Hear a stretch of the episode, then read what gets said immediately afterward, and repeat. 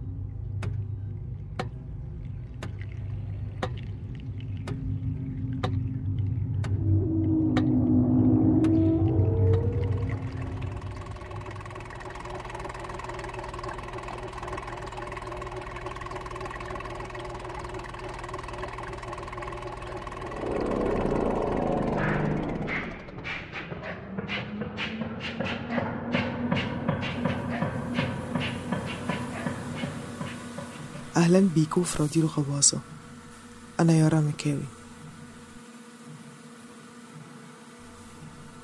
هل هذه المدينة مؤهلة للعمل؟ لا أدعي أنني أقرأ الكثير لكنني أستمتع بالنصوص التي تحرك الحواس. تجعلك ترى ما تتخيله. تسمع الخفي. تدرك أبعاد أخرى خارج دائرتك.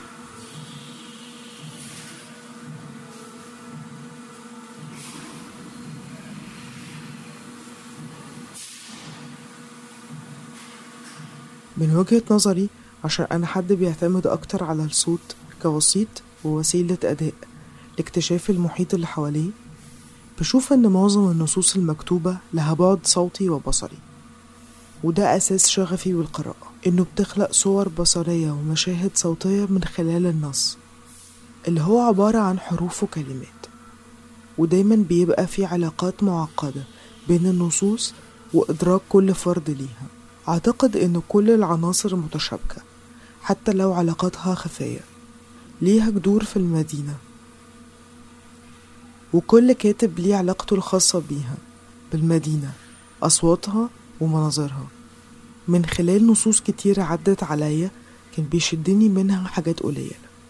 يمكن لأنها بتحط منحنى جديد في أبعاد المساحات أو إن ليها علاقة بيا بشكل أو بآخر. خلال الإغلاق في عشرين عشرين أثناء تواجدي في القاهرة جه قدامي كتاب ميومية هايكو عامل معاصر وعشان الكتاب مكتوب بلغة عجبتني قرأته أكتر من مرة وبدأت أفكر في النص بس من وجهة نظري أنا. كنت بشوفه بيرسم مشاهد وكأنها فيلم سيما عن شخصية عامل في المدينة بطريقة أنا شايفاها سريالية جدا. يمكن أختلف أو أتفق مع محمد فرج الكاتب في الصور اللي بيخلقها النص لكن هيفضل جمال وسحر النصوص إن ليها أكتر من مدلول عند كل حد فينا. كل واحد بيشوف اللي هو عايز يشوفه وبيسمع اللي في دماغه هو وبيترجم الأحداث بطريقة مختلفة عن التاني. وأنا بقرأ ميومية حسيت إني قدام نص صوتي. مش مجرد نص مكتوب. يمكن لأن اللغة اللي في الكتاب مش فلسفية أو معقدة قد ما إن هي لغة خاصة. وعلى الرغم من إن في عدد لا محدود من الكتاب اللي وصفوا الحركة والعمال في المدينة بس المشاهد السريالية اللي كاتبها محمد فرج كانت أبسط طريق يوصلك لنقطة بعيدة جدا. نقطة تسمع فيها الضوضاء وتشوف فيها النور ساطع في عينيك. وكأنك هتقعد فيها للأبد ومش هترجع للأرض تاني. محمد فرج كاتب وصحفي حريص طول الوقت إنه يذكر إنه من مواليد اسكندرية مع إنه عايش في القاهرة. محمد فرج شارك في أكثر من تجربة صحفية منها البديل السفير اللبنانية أخبار الأدب مراسلون. حاليا هو عضو في فريق تحرير خط 30 اللي هو تجربة جديدة ومميزة في الصحافة العربية. بتركز على تفاصيل الحياة اليومية للفرد في العالم العربي.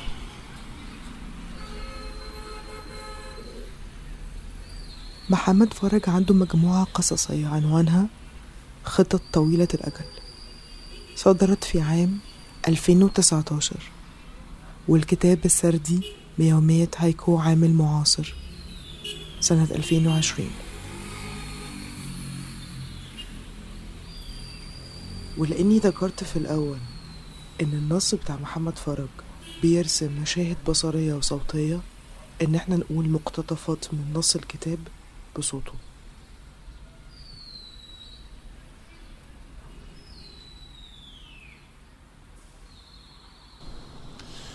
بخيوط غير مرئية لكنها شديدة القوة والليونة ينسحب الواحد من سريره إلى مقر العمل. الزملاء القدامى الذين تآلفوا مع تلك الخيوط قد استسلموا لها تماما. أحيانا يمد أحدهم يده كأنما يتحسس شيئا في الهواء. في كل مكان عمل ثمة حكايات عن هؤلاء الذين مزقوا خيوطهم. حكايات يتم تلقينها للعمال الجدد حتى يدركوا عواقب عدم الاستسلام للخيوط. مع انفتاح العين في الصباح تتكدس بسرعة أوجاع الأمس التي ظن أنه تركها وابتعد عنها أثناء النوم. في العمل يرى نفسه كماكينة عملاقة ينمو عليها الصدأ ببطء يغزو أطرافها يكمن في مفاصلها. يتأمل العامل جسده ما بقى منه قيد العمل وما بدأ في التقاعس والخمول في أداء وظيفته وما ظل في مكانه كزينة كان يوما ذات وظيفة. يمشي العامل في طريقه بطيئا ذات مرة لم يكن هكذا. كان أسرع. الآن يمرق الجميع بجواره. لم يعد يشعر بضرورة الإسراع. تكفي سرعة العمل والمطالبات بالسرعة خلال العمل. مكنسة وحيدة تدور على الرصيف. تحاول تشكيل المكان بلا فائدة ولكنها لا تهتم. تواصل إزاحة أوراق الشجر اليابسة. قبل أن ينتهي العامل من صعود درجات سلم الجسر الحديدي في طريقه لمقر العمل تظهر أفخاذ رجل عجوز. سيدي المدير لا تقلق. ها نحن ذا واقفون على حافة اليوم حيث يبدأ. ورغم أن الشمس لم تدرك بعد ما تريد فعله فهل ترسل أشعة حارة أم تكتفي بالاستكانة خلف السحب؟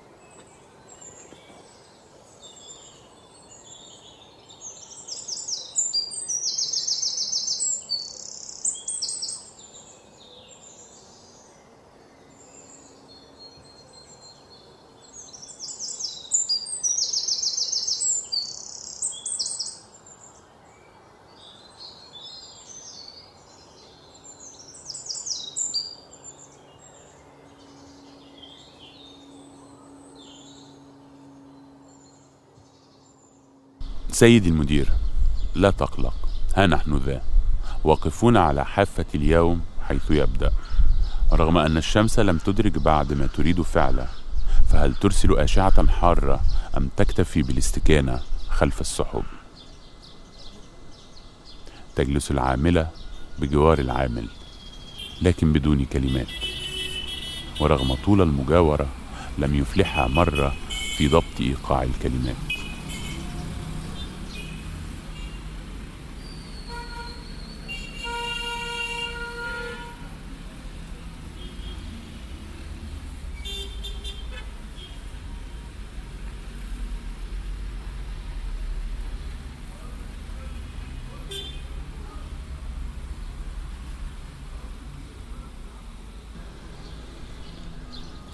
كانت الشرفة هي المتنفس الوحيد في العمل. ندخن هناك. كنا نحرق أعدادا لا نهائية من السجائر. في العمل يصرفون لنا كميات غير محدودة من القهوة السوداء. نشرب وندخن ونعمل. يجلس العامل على مقعده أمام الشاشة ويفكر. لماذا لا يحضر صاحب العمل أجهزة جديدة يمكنها سحب الملل والسأم والغضب من أجساد العمال وتحويلها إلى طاقة.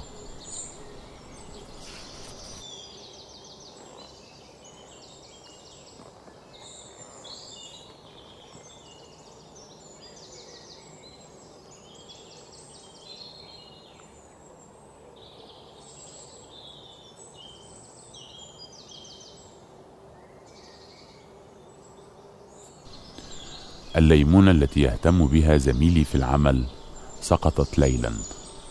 تشممها الكلب العجوز بدون اهتمام.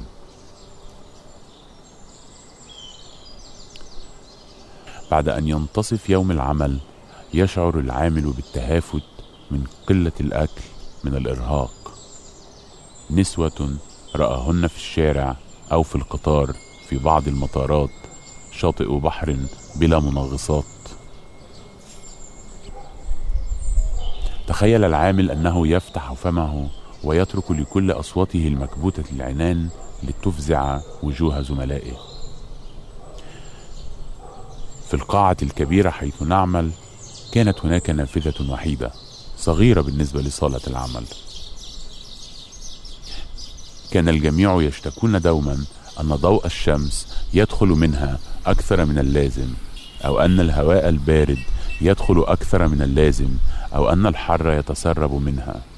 مرة رأيت شجرة كانت وراء النافذة وكان بالشجرة أزهار.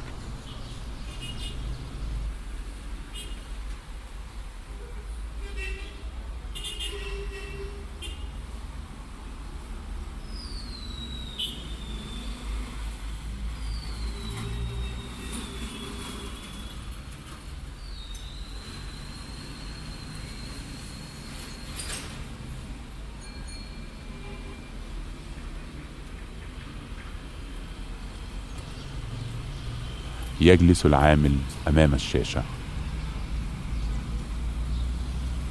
بين المقعد والسرير يقضي العامل معظم حياته. سيبحث في السرير عن الراحة.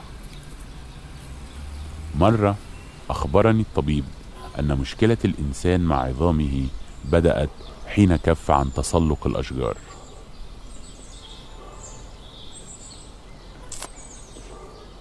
الأشجار كبيرة طويلة متعالية تشاهدني وأنا ذاهب إلى العمل وعائد منه ولا تبالي. أنا بالأساس أعمل في شجرة في فرع من فروع الشجرة. يطول طريق العمل. أحيانا يسعى شوارع سيارات تاكسي حافلات قطارات مترو طائرات.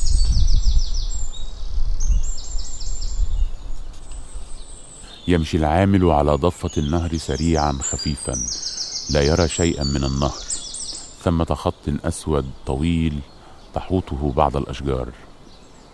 يظل صامتا قابعا وراء وجه جامد. الصمت طبقات كثيفة يغزل العامل في كل طبقة كلاما يريد أن يقوله ينام العامل فيركب قطارا. يمشي القطار فوق الماء. السماء فوق القطار. وكما تظهر من النافذة مليئة بسحاب ثقيل أبيض وأسود وأيضا رمادي. اذا ستمطر.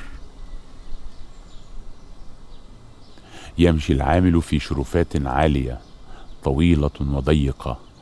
يهاجمه خوف السقوط أحيانا. يشعر بنفسه يتحرك على حافة جبل عال تحوطه قطع سحاب. ما الذي دفع بالوطاويط للخروج الآن؟ ماذا يفعل الخفاش ساعة خروجه؟ يغمض العامل عينيه فيجد نفسه جالسا على سرير كبير في منتصف السرير وعلى يمينه طفلة وعلى يساره طفلة. يحرك رأسه بينهما فتنمو الطفلتان. ينزلق العامل من وسط الفتاتين وما زال لسانه يكمل الحكاية منفردا.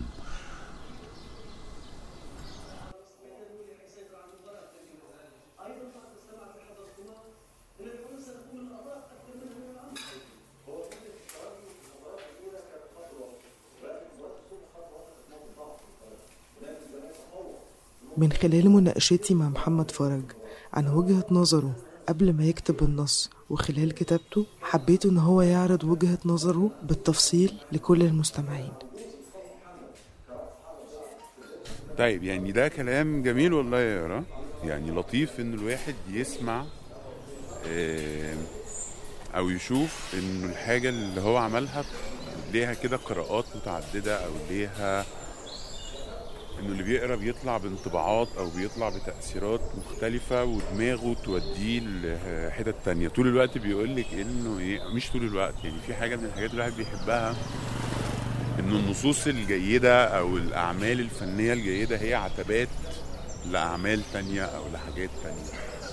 ففكرة إن أنت تقري نص مكتوب فيبقى النص ده بيترجم في ذهنك أو بتحبي تشوفيه تسمعيه أو يبقى بت بتشوفي فيه إمكانيات تانية غير فكرة إن هو حاجة مكتوبة. فده شيء بيسعد الواحد. طيب. نرجع ل أو كما فهمت يعني فكرة إنه كنت بفكر في إيه أو إنه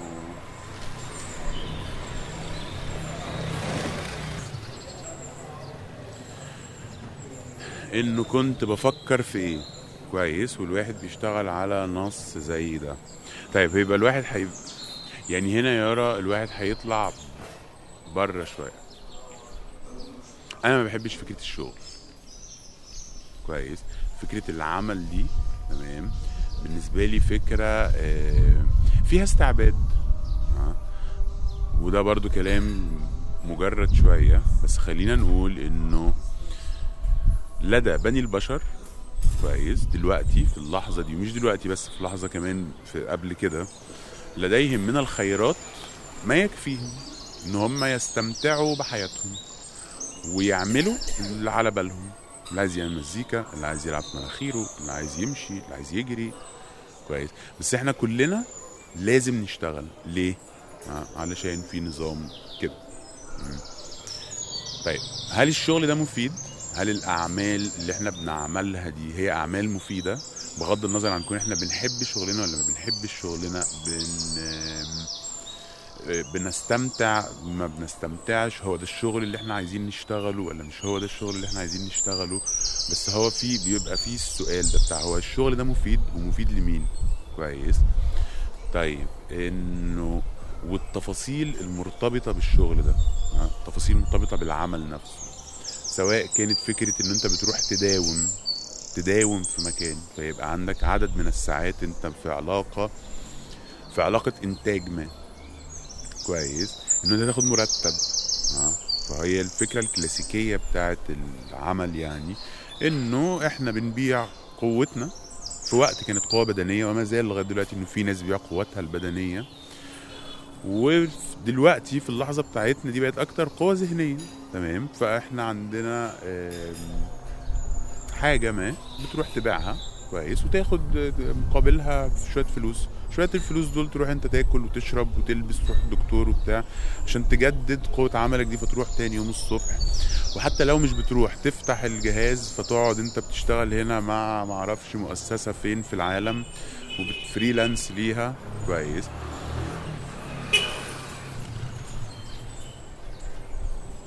وكمان فكرة إن إحنا بنشتغل فعلا ب... بالأجهزة دي بنشتغل كمبيوتر وبنشتغل بمعرفش إيه وكذا. آه فده بيغير في, في أجسامنا تمام؟ لأنه إحنا ما بنوع... لا نجلس كما ينبغي أن يجلس الإنسان. كويس؟ بنمسك موبايلات وبنمسك حاجات. فبعد شوية يعني تقريبا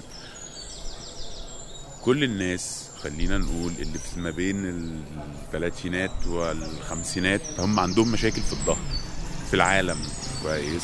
بل كمان إنه أطفال صغيرين ها ان هم عندهم 10 سنين و12 سنة ويمكن أقل من فكرة إن هو الطفل طول الوقت ماسك موبايل وعمال يلعب فيه فراسه محنيه وبتاع فبقى في كمان أطفال كتير عندهم التهاب في الفقرات العنقية. فكل الدايرة دي كويس اللي هي كلها مربوطة في بعضيها بتخلي الواحد يفكر شوية يفكر في الحكاية دي. إنه أثر ده علينا عامل إزاي؟ أثر ده علينا كبني آدم يعني كأفراد صغيرين آه، أفراد? بس فمن هنا جت الفكرة يعني فكرة بس إنه الواحد يبقى بي آه، إنه شوية الواحد يتأمل الموضوع ده يتأمل حكاية العمل دي ها؟ العمل في علاقته ب إنه شوية الواحد يتأمل حكاية العمل دي في اثره على البني آدم يعني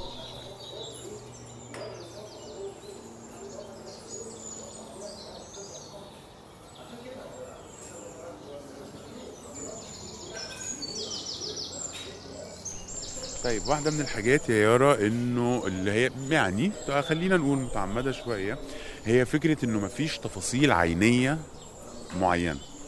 فأنا ما بقولش مثلا انه إيه كان العامل سائرا في ميدان طلعت حرب أو خرج العامل إلى شارع 87 آه، حاملا اكياسا من المعرفش مين. طيب حاجة تانية من الحاجات اللي هي ليها علاقة ب خلينا نقول انطباعات القراء. أو يعني الأصدقاء أو اللي قروا الكتاب. طيب خلينا نقول آه، انه واحدة من آه، آه انطباعات اللي بيقرأ. كويس.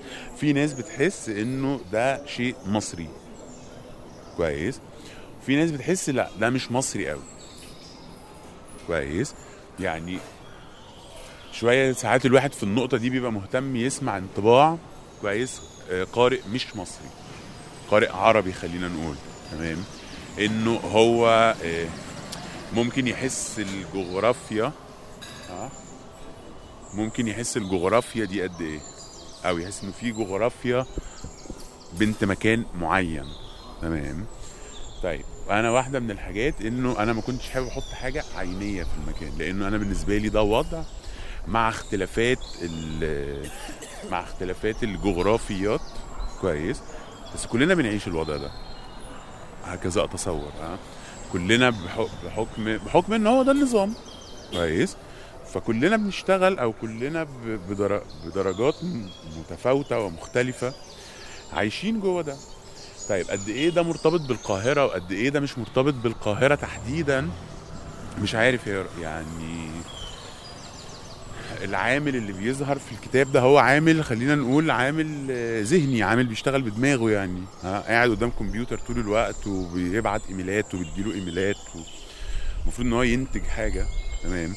مش عارفين إيه هي الحاجة دي ومش عارف لو ده مهم ولا لأ. يعني لو هل مهم نفهم إنه ده محاسب مثلا ولا ده آه، ولا ده مدير مشروع ولا ده آه، يعني ما أعرفش? بس يعني الواحد حاسس إنه تمام. هي الفكرة في في إنه هذا الفرد هو جوه جوه النظام ده جوه الدايرة المقفولة دي هذه الحلقة من مشروع مدونات هي من إنتاج المورد الثقافي والمجلس الثقافي البريطاني. محتوى هذا البودكاست لا يعبر بالضرورة عن رؤية أو أفكار أي من المؤسستين،